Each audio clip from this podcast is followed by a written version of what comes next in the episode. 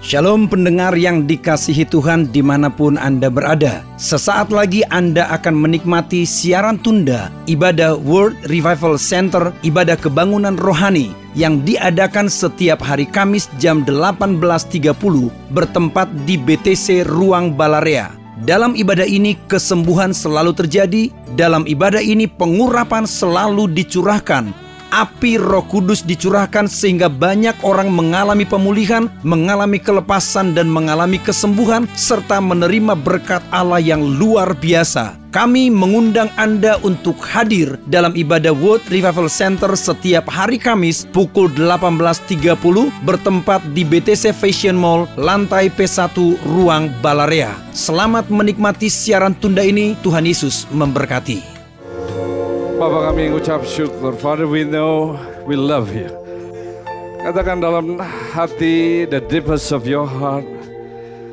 Saat-saat ini, mari kita bercumbu-cumbuan dengan Tuhan. Every heart, setiap hati katakan kepada dia. Aku bisa mengasihimu because you love me first. Karena engkau mengasihi aku terlebih dahulu. Katakan aku orang berdosa yang ditebus oleh darah yang mahal. Malam hari ini ada sesuatu yang engkau akan perbuat. Terima kasih untuk hadiratmu Tuhan. Haleluya, haleluya. Katakan dalam hati saudara sebelum kita katakan amin. Apa yang kau inginkan daripada Tuhan? Tuhan katakan kepada Salomo, katakan kepada aku apa yang kau mau minta. Pertanyaan yang sama Tuhan tanyakan pada malam hari ini. What is the deepest request you come to this present? Apa permintaanmu? Tidak ada permintaan yang terlalu besar untuk Tuhan. Katakan kepada dia. Terima kasih Tuhan. Dengar kami. Mau dipermuliakan. Kami undang roh yang mulia, roh yang agung, roh yang luhur, roh yang ajaib. Terima kasih Tuhan. Terpuji nama Bapa di surga. Beri kemuliaan bagi nama Tuhan. Haleluya, haleluya, haleluya, haleluya, haleluya. We praise you Lord, we praise you Lord. Haleluya. Silakan duduk Bapak Ibu yang terkasih. Haleluya. Saya ingin bukakan satu firman dari kitab yang tidak lain adalah kitab, yang terpendek, the, the, the, the shortest book in the four uh, gospel, ada empat Injil yang terpendek, yaitu Markus. Markus pasal 2 ayat yang ke-12. Kita lihat Markus pasalnya yang kedua ayatnya yang ke-12. Markus ini adalah salah satu pengikut Kristus yang tidak bertemu dengan Yesus secara langsung. Markus ini menulis di kitab Injil yang adalah teman sejawatnya daripada Paulus pernah berpisah dengan Barnabas. Tapi Markus ini somehow somewhere terhilang pada waktu terakhirnya dia kembali dan diterima oleh Paulus. Oleh karena dia diterima oleh Paulus kembali, dia diurapi Tuhan dan dia boleh menulis satu kitab terpendek tapi juga kitab yang di mana terlengkap di antara empat Injil ini. Yang percaya katakan amin. Yang ada di Markus ada di Matius, yang ada di Markus ada di Yohanes, yang ada di Markus ada di Lukas. Rupanya semua Injil ini ada sedikitnya nyontek di Markus ini. Kitab yang terpendek tetapi kitab yang original. Firman Tuhan ini dikatakan ayatnya ke-12. Dan orang itu pun bangun, segera mengangkat tempat tidurnya, dan pergi keluar di hadapan orang-orang itu. Sehingga mereka takjub lalu memuliakan Allah. Katanya, katakan bersama saya 1, 2, 3 BFA, katakan bersama saya. Yang begini belum pernah kita lihat sekali lagi. Yang begini belum pernah kita lihat. Tepuk tangan untuk nama Tuhan. Saudara Tuhan kita adalah Tuhan yang luar biasa. Amin. Kalau kita ikut Tuhan dan kita merasakan sepertinya bosan, getting bored. Saudara rasanya masuk di dalam jalan yang salah. Tuhan kita dalam putaran-putaran terakhir pada saat-saat ini sangat menggairahkan. Yang percaya katakan amin. Saya percaya saudara bahwa Tuhan yang kita sembah, Tuhan yang kita ikuti, Tuhan yang selalu merciful that every day he gives us a brand new anointing. Dia berikan kepada kita urapan yang baru setiap hari. Dia tidak memberikan kepada kita urapan yang kemarin atau minggu lalu atau tahun lalu. Dia selalu memberikan kepada kita urapan yang fresh. Dan oleh karena itu saudara, dia tidak kekurangan minyaknya. Dia tidak kekurangan urapannya. Melimpah-limpah urapannya. Dan saya kan pastikan kenapa? Kalau kita lihat dan kita jujur membaca firman Tuhan, dari kitab kejadian sampai wahyu, tidak ada Tuhan membuat mujizat yang sama. Semua tiap kali kita baca, ketika Yesus berjalan di atas air, dia tidak mengulangi. Mujizatnya dia berjalan air. Musa membelah laut merah. Apa yang terjadi? Tidak ada lagi orang yang copy and paste. Tuhan memberi lima ribu orang makan, tidak ada lagi copy and paste. Waktu dia meludah ke tanah dan dia mengosekkan dengan tanah dan dia meletakkan kepada orang yang buta, tidak dilakukannya lagi. Setiap kali Tuhan melakukan selalu yang baru, yang percaya katakan amin. Jadi Tuhan itu tidak pernah kehabisan stok. Tuhan senang sekali untuk anak-anaknya selalu membuka mulutnya seperti demikian. Ada amin saudaraku. Jadi kalau ikut Tuhan kita nggak menganga mulutnya dan terkagum-kagum, rasa-rasanya saudara ikuti Tuhan yang salah. Ada amin saudaraku. Dia Allah yang luar biasa. Dia selalu mau memberikan kejutan-kejutan yang baru untuk kita.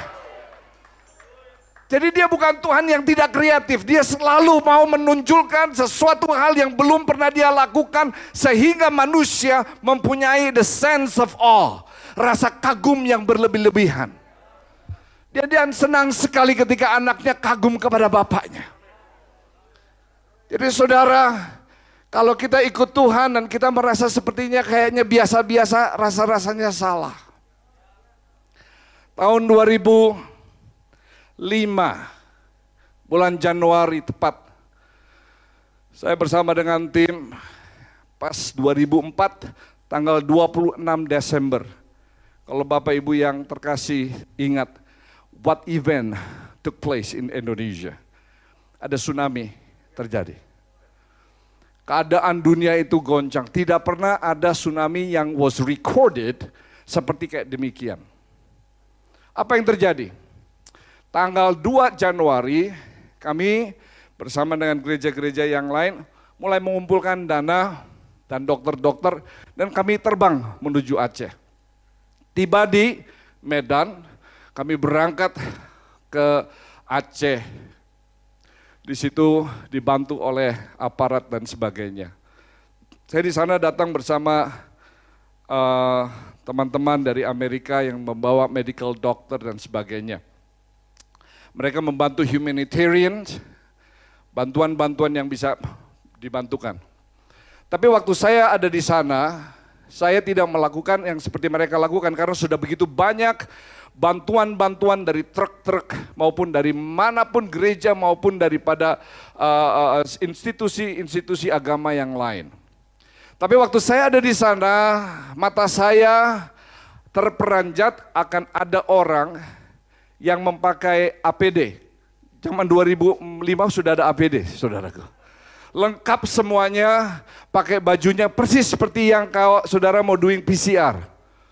Di sana Bapak Ibu yang terkasih mereka kurang lebih 12 sampai 14 orang berada di pinggir pantai di mana uh, um, apa perut bumi di samudra Indonesia tumpah keluar dan ada di pantai pesisiran Paceh. Dan waktu itu saya lihat kok kenapa ada orang begitu banyak, tidak tolong-tolong orang yang lain, tetapi mereka lagi mengumpulkan sesuatu. Lalu saya curious, dan saya datang ke tempat mereka dan saya katakan, you lagi ngapain di sini? Rupanya mereka bukan orang Indonesia, tapi orang-orang asing datang ke sana. Mereka adalah tim saintis yang mengatakan kalau ada gempa bumi, kalau ada tsunami, kalau ada letusan gunung berapi, kami adalah orang-orang yang diutus ke sana. Lalu saya tanya sama mereka, ada apa you datang kemari? Dan dia katakan, satu atau orang itu ada orang Jepang, bahasa Inggrisnya kurang bagus, dan dia katakan demikian kurang lebih. Sir, setiap kali ada yang tumpah di bumi ini, ada yang keluar dari bumi ini, kami orang-orang yang pertama yang akan mengoleksi, mengumpulkan ada mineral-mineral baru, ada bahan-bahan yang baru yang belum pernah ditemukan. Ada plankton-plankton baru, ada ikan-ikan baru, ada tumbuhan-tumbuhan yang baru yang belum pernah didaftarkan. Belum ada namanya. Rupanya Adam keburu jatuh dalam dosa. Jadi dia nggak sebut namanya satu dengan yang lain, sehingga kerjaannya para ilmuwan mengumpulkan dari yang kecil sampai yang besar. Waktu mereka mengatakan demikian, roh Allah seakan-akan I have the impression, speak to me. Dan dia katakan kepada saya, Oscar, kalau bumi ini yang kelihatannya sepertinya kita sudah tahu semua, you belum tahu. Begitu kayanya muka bumi di dalam bumi ini yang manusia belum temukan. Sampai saintis masih mengumpulkan, lari bercari-cari kalau ada letusan gunung dia orang yang pertama di sana. Kalau ada letusan gunung di Jepang mereka ada di sana. Di Indonesia dia ada di sana. Kalau ada di Filipina mereka ada di sana. Karena mereka ada satu desire ingin menemukan satu yang baru.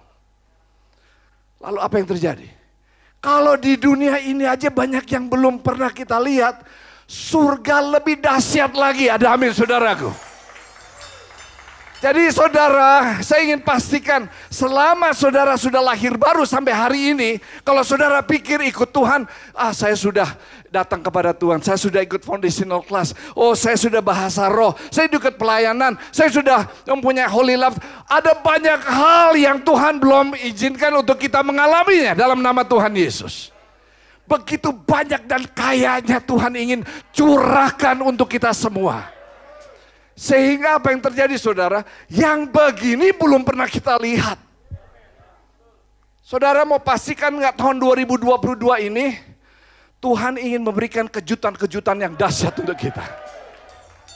Ada amin saudaraku. Maka kita tidak boleh menutup diri, mengungkung diri, sehingga apa yang terjadi kita harus terbuka sama roh Allah, sama pekerjaan Tuhan. Sehingga apa yang terjadi, apa yang Tuhan mau curahkan, dia akan lakukan yang terbaik untuk kita. Sehingga anak-anaknya sehingga kita bilang, waduh, waduh, kenapa sih? Waduh, luar biasa, wonderful, I cannot explain it. God is great, God is wonderful.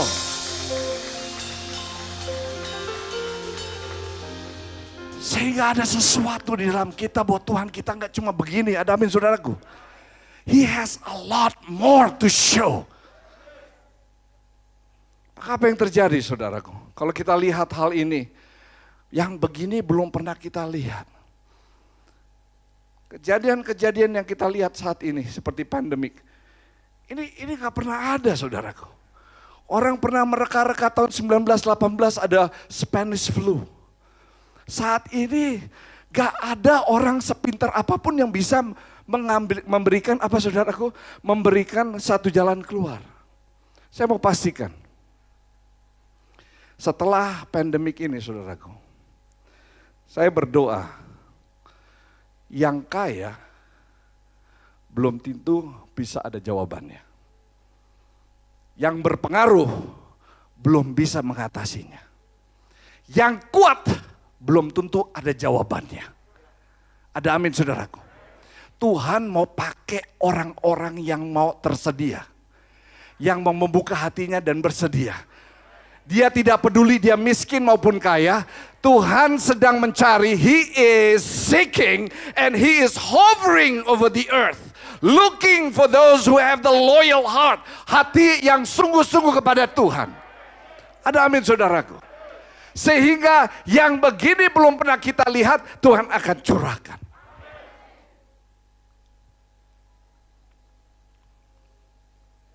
Ayat 12 ini rupanya Bapak Ibu yang terkasih, kalau kita menjadi anak Tuhan, kita harus bertanggung jawab. Yuk kita lihat ayat yang pertama, haleluya. Sehingga kalau kita bertanggung jawab, kita lihat yang pertama. Bahwa perikop ini jawabannya luar biasa. Mau melihat hal yang begini belum pernah kita lihat? Saudara mau melihat suami saudara hal-hal yang luar biasa. Sehingga kita bilang, honey, I never seen you like this. Bukan yang negatif ya, ada saudaraku. Tetapi dia kepenuhan roh Tuhan. Anak-anak kita, kepenuhan Tuhan. Yang pertama, pastikan ini. Kemudian sesudah lewat beberapa hari, waktu Yesus datang lagi ke Kapernaum, ber, ber, tersiarlah kabar bahwa ia ada di rumah. Karis bawahi Bapak Ibu yang terkasih, ia ada di rumah. Ada amin saudara. Bahwa saya yakin Yesus yang kita sembah bukan hanya ada di gereja, tetapi mulai ada di rumah. Ada amin saudara. Kalau kita bisa preserve, buat Tuhan kita betah di rumah, membuat satu family altar. Hadirat Tuhan mulai dari rumah saudaraku. Saya yakin kita akan mengalami terobosan yang luar biasa tahun 2022. Sehingga dia tidak segan-segannya mengucurkan berkatnya, mengeluarkan mujizatnya dengan tidak sangat pelit dan dia sangat boros akan hal itu. Ada amin saudara. Maka apa yang terjadi? Bukan syarat, ada satu hal panggilan. Pastikan dia betah di rumah kita. Pastikan dia betah di dalam tengah-tengah keluarga kita. Pastikan dia nggak hanya ada di gereja, tapi pastikan dia ada di rumah saudara.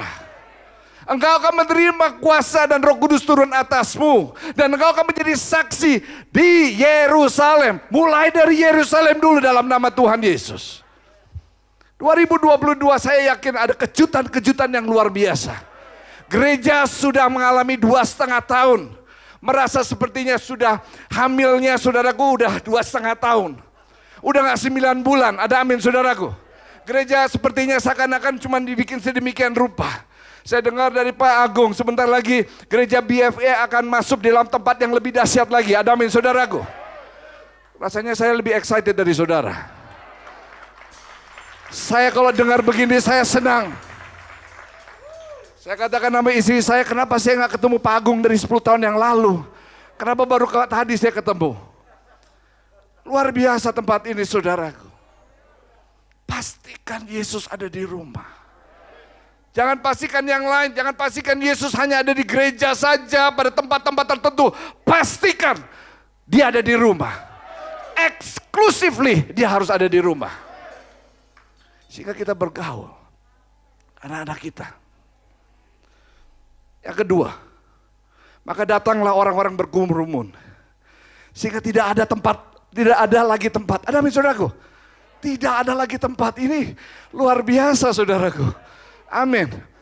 Bahwa maka datanglah orang-orang berkumpul. Di mana ada dia betah, di mana dia ada, dia mempunyai magnet yang luar biasa.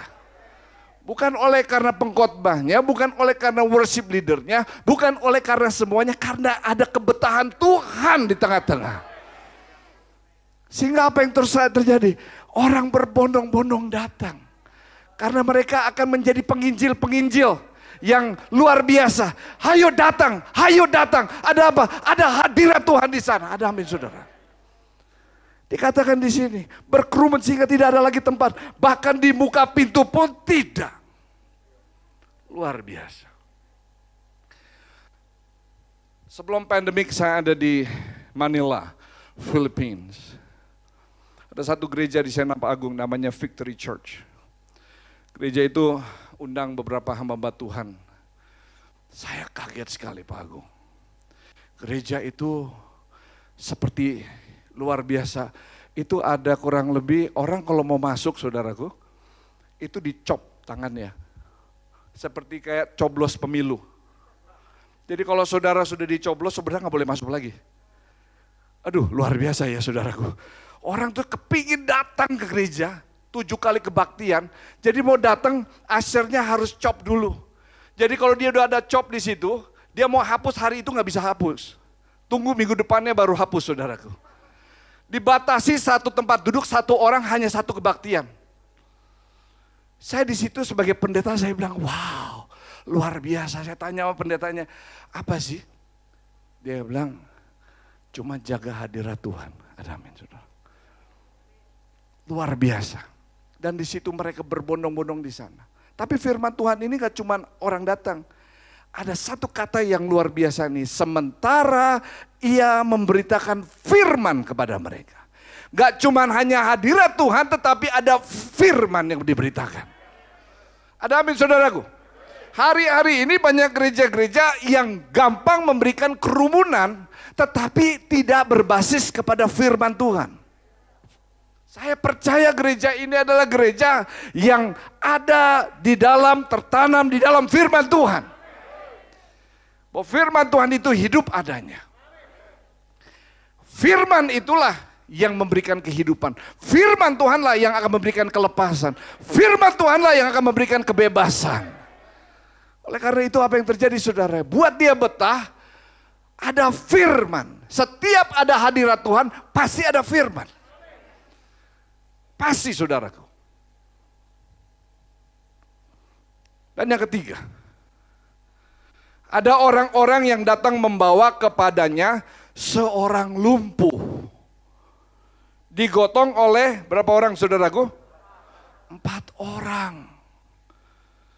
Jadi saudaraku, ketika ada Tuhan betah di rumah kita, dan kita bawa hadirat Tuhan ke dalam rumah Tuhan, ada firman yang diberitakan, maka apa yang terjadi? Ada ada unity, ada empat orang yang tidak ada namanya di sini. Ada mana saudara-saudara? Ini empat orang ini nggak ada namanya, nggak ada jenis kelaminnya, nggak tahu siapa, tingginya berapa, beratnya berapa, nggak ada. Tapi firman Tuhannya jelas sekali ada empat orang yang matanya tertuju untuk bisa membawa orang lumpuh. Saya yakin ada mujizat setelah selesai ini, ada kehausan. Bukan hanya mencari hadirat Tuhan, ketika kita dipenuhkan hadirat Tuhan, lalu kita melihat sekeliling kita, ada amin saudaraku. Mereka yang lumpuh rohaninya, yang buta rohaninya, kita cepat-cepat bawa ke tempat ini, ada amin saudaraku. Dia tidak peduli pelayanannya apa, orangnya apa, siapa pun gak peduli saudaraku. Nah ini Tuhan. Saudara, saya kadang sedih. Kadang-kadang saya melihat kesuksesan sebuah gereja ditentukan oleh berapa banyaknya anak muda. Walaupun saya masih muda, ada saudara, saya masih muda, amin. Dimudah-mudahin ada saudara.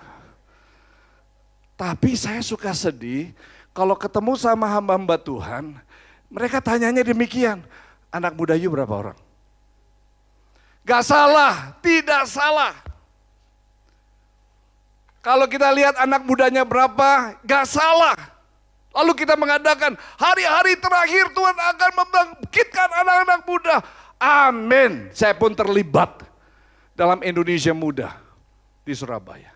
Tapi waktu saya bersekutu dengan Tuhan, rasa-rasanya gereja sudah tidak menyembah Tuhan, sekarang rasa-rasanya saya minta maaf mengkultuskan anak muda. Which is okay, no problem. Rasa-rasanya dikesampingkan nih orang-orang tua. Rasa-rasanya yang di atas 50, 55, 60, 65, 70, 75, rasa-rasanya yuk di belakang aja. Lalu gereja mempunyai budget sebesar-besarnya untuk bisa menarik anak-anak muda. Salah nggak? Tidak salah. Tapi firman Tuhan dikatakan kisah Rasul 2 ayat 17. Pada hari-hari terakhir aku akan mencurahkan rohku kepada semua manusia. Dan anak laki-lakiku akan bernubuat. Teruna-terunaku akan mendapatkan visi. Yang ketiga apa? Satu, dua, tiga. Orang-orang tua mendapat mimpi. Gereja di akhir zaman ini bukan hanya gereja yang bangkit anak mudanya saja. Ada saudaraku. Kita pastikan gereja juga membangkitkan orang-orang tua di dalam nama Tuhan Yesus. Jadi para tante, om, ibu-ibu, bapak-bapak yang merasa tua, jangan cepat-cepat pensiun dari pelayanan dalam nama Yesus. Lalu kita bilang biar anak-anak muda aja yang maju, jangan. Karena Tuhan masih mau pakai om dan tante. Tuhan masih mau pakai kita semua. Ada amin saudaraku? Dia bukan Tuhan anak muda. Ada amin saudaraku? Artinya dia bukan Tuhan anak muda saja dia Tuhan orang tua, teruna-teruna. Jadi nggak ada gereja yang kelihatannya hebat karena dinilai orang mudanya banyak. Semakin orang mudanya banyak, kelihatannya cool and keren. Tapi orang-orang tua kita tinggalkan. Saya berdoa gereja BFA adalah gereja yang mempunyai tiga generasi. Ada amin saudaraku. Gereja orang tua, teruna dan anak-anak lagi dalam rumah beri kemuliaan bagi nama Tuhan. Jadi kalau kita merasa saya udah gak bisa nyanyi lagi seperti si A. Saya gak bisa lagi buat di sana. Kita banyak bisa melakukan karena dia adalah Allah yang ingin melakukan hal-hal yang dahsyat sehingga mulut kita mengatakan yang begini belum pernah kita lihat. Kita harus tahu bahwa Tuhan yang kita sembah adalah Tuhan yang selalu baru dan ingin mencurahkan rohnya kepada kita semua. Saya cepat saja di sini saudaraku. Ayatnya yang selanjutnya. Ayatnya yang kelima, ketika Yesus melihat iman mereka, berkatalah ia kepada orang lumpuh itu, Hai anakku, dosamu sudah diampuni. Di situ ketika Yesus melihat iman yang plural, iman mereka. Ayat yang keenam. Kalau saudara mengalami breakthrough, ada terobosan dari Tuhan. Perhatikan ayat yang keenam. Setiap kali ada terobosan Tuhan. Setiap kali ada sesuatu hal yang baru. Setiap kali Tuhan ingin memberikan sesuatu hal yang mengejutkan. Ayat yang keenam. Tetapi di situ ada juga duduk beberapa ahli Taurat mereka berpikir dalam hatinya, mengapa orang itu berkata ia menghujat Allah, siapa yang dapat mengampuni dosa selain daripada Allah sendiri. Yang terakhir, setiap kali ada terobosan pasti ada halangan. Setiap ada terobosan pasti ada tantangan. Pasti saudara, kalau saudara mendapat promosi pasti ada tantangan. Jadi saudara kalau you receive favor from the Lord, ada kemurahan Tuhan datang sama kita, jangan cepat-cepat too early to celebrate. Ada amin saudara. Ya wah wah jangan. Cepat-cepat masuk ke kamar, kita berdoa, kita minta Tuhan berikan kekuatan yang yang ekstra untuk kita. Ada amin saudara. Karena banyak yang iri, banyak ada orang yang mau memberikan halangan dan tantangan nama kita. Tapi Tuhan kita adalah Tuhan yang dahsyat. Ada amin saudara. Dia tidak akan memberikan orang benar jatuh tergeletak. Dia akan membangunkannya kembali. Ada amin saudaraku. Malam hari ini pastikan sebelum kita pulang. Dia ada di rumah saudara pastikan ada firman di dalam diri saudara. Pastikan bahwa akan ada kejutan-kejutan yang luar biasa yang Tuhan inginkan kepada kita semua. Sehingga Markus pasal 2 cuma bukan hanya bacaan, ada amin saudaraku tapi ada satu panggilan, ada satu invitation bahwa tahun 2022 ini Tuhan akan genapkan Markus pasal kedua dan orang akan berbondong-bondong datang.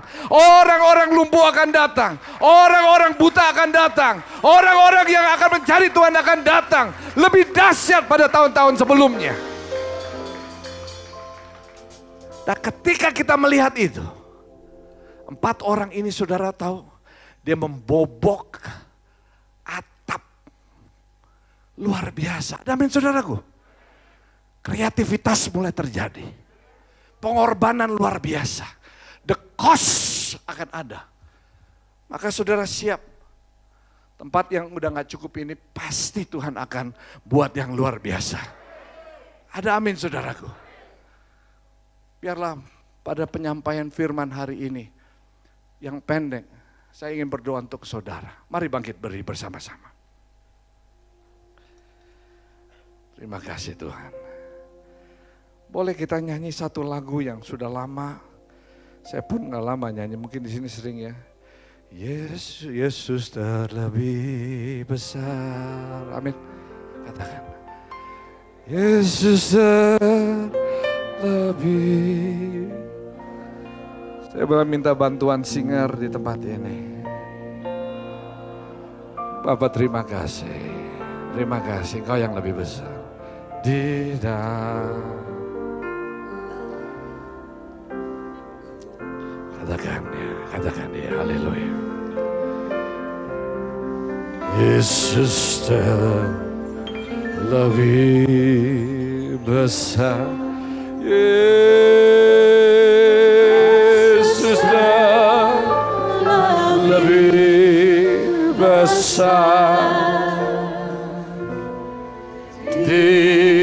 Di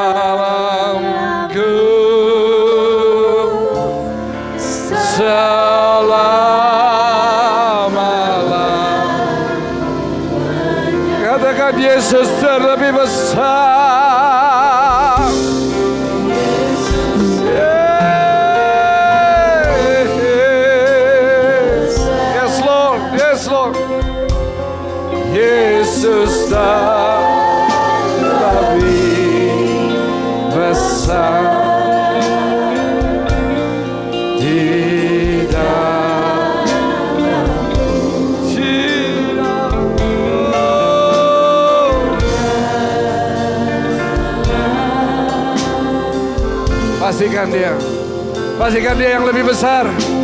Yes Lord.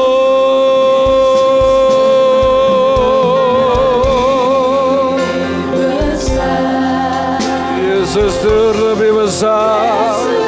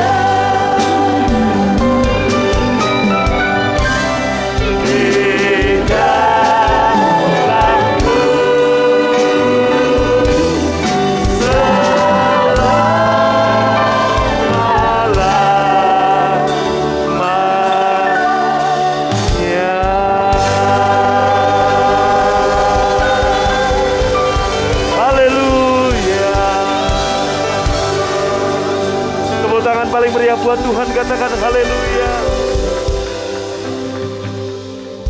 Bapak Ibu Saudara yang di sini maupun yang di rumah, baik lewat YouTube, Facebook maupun Instagram, sama-sama mempersiapkan perjamuan yang sudah Tuhan siapkan. Ini hari ke-703 setiap malam kita memberitakan kematian Tuhan lewat perjamuan Tuhan. Saat kita makan tubuh dan minum darah Yesus, kita sedang mendeklarasikan Yesus mati buat kita. Dan kematian Tuhan bukan hanya mendatangkan keselamatan, tapi juga kesembuhan, kehidupan, kesehatan. Semakin Anda memberitakan kematian Yesus lewat perjamuan Tuhan, engkau akan jadi super kuat, super sehat, super diberkati Tuhan. Angkat roti dengan tangan kanan saudara di mana pun Anda berada. Tuhan Yesus mengambil roti, memecah-mecahkannya, dan berkata, inilah tubuhku yang terpecah-pecah karenamu. Ambillah dan makanlah. Yang percaya ini tubuh Tuhan Yesus, makan dalam nama Yesus.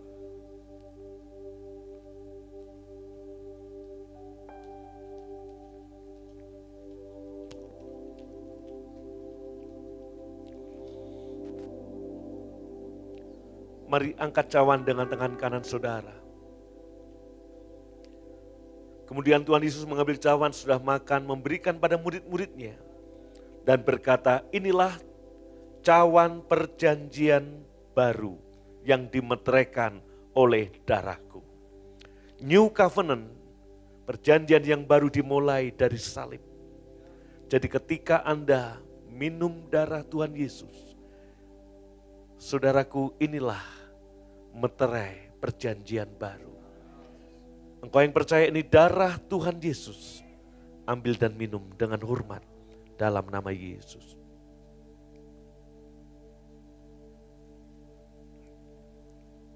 Angkat tanganmu di mana pun kau berada. Saya berdoa di dalam nama Yesus.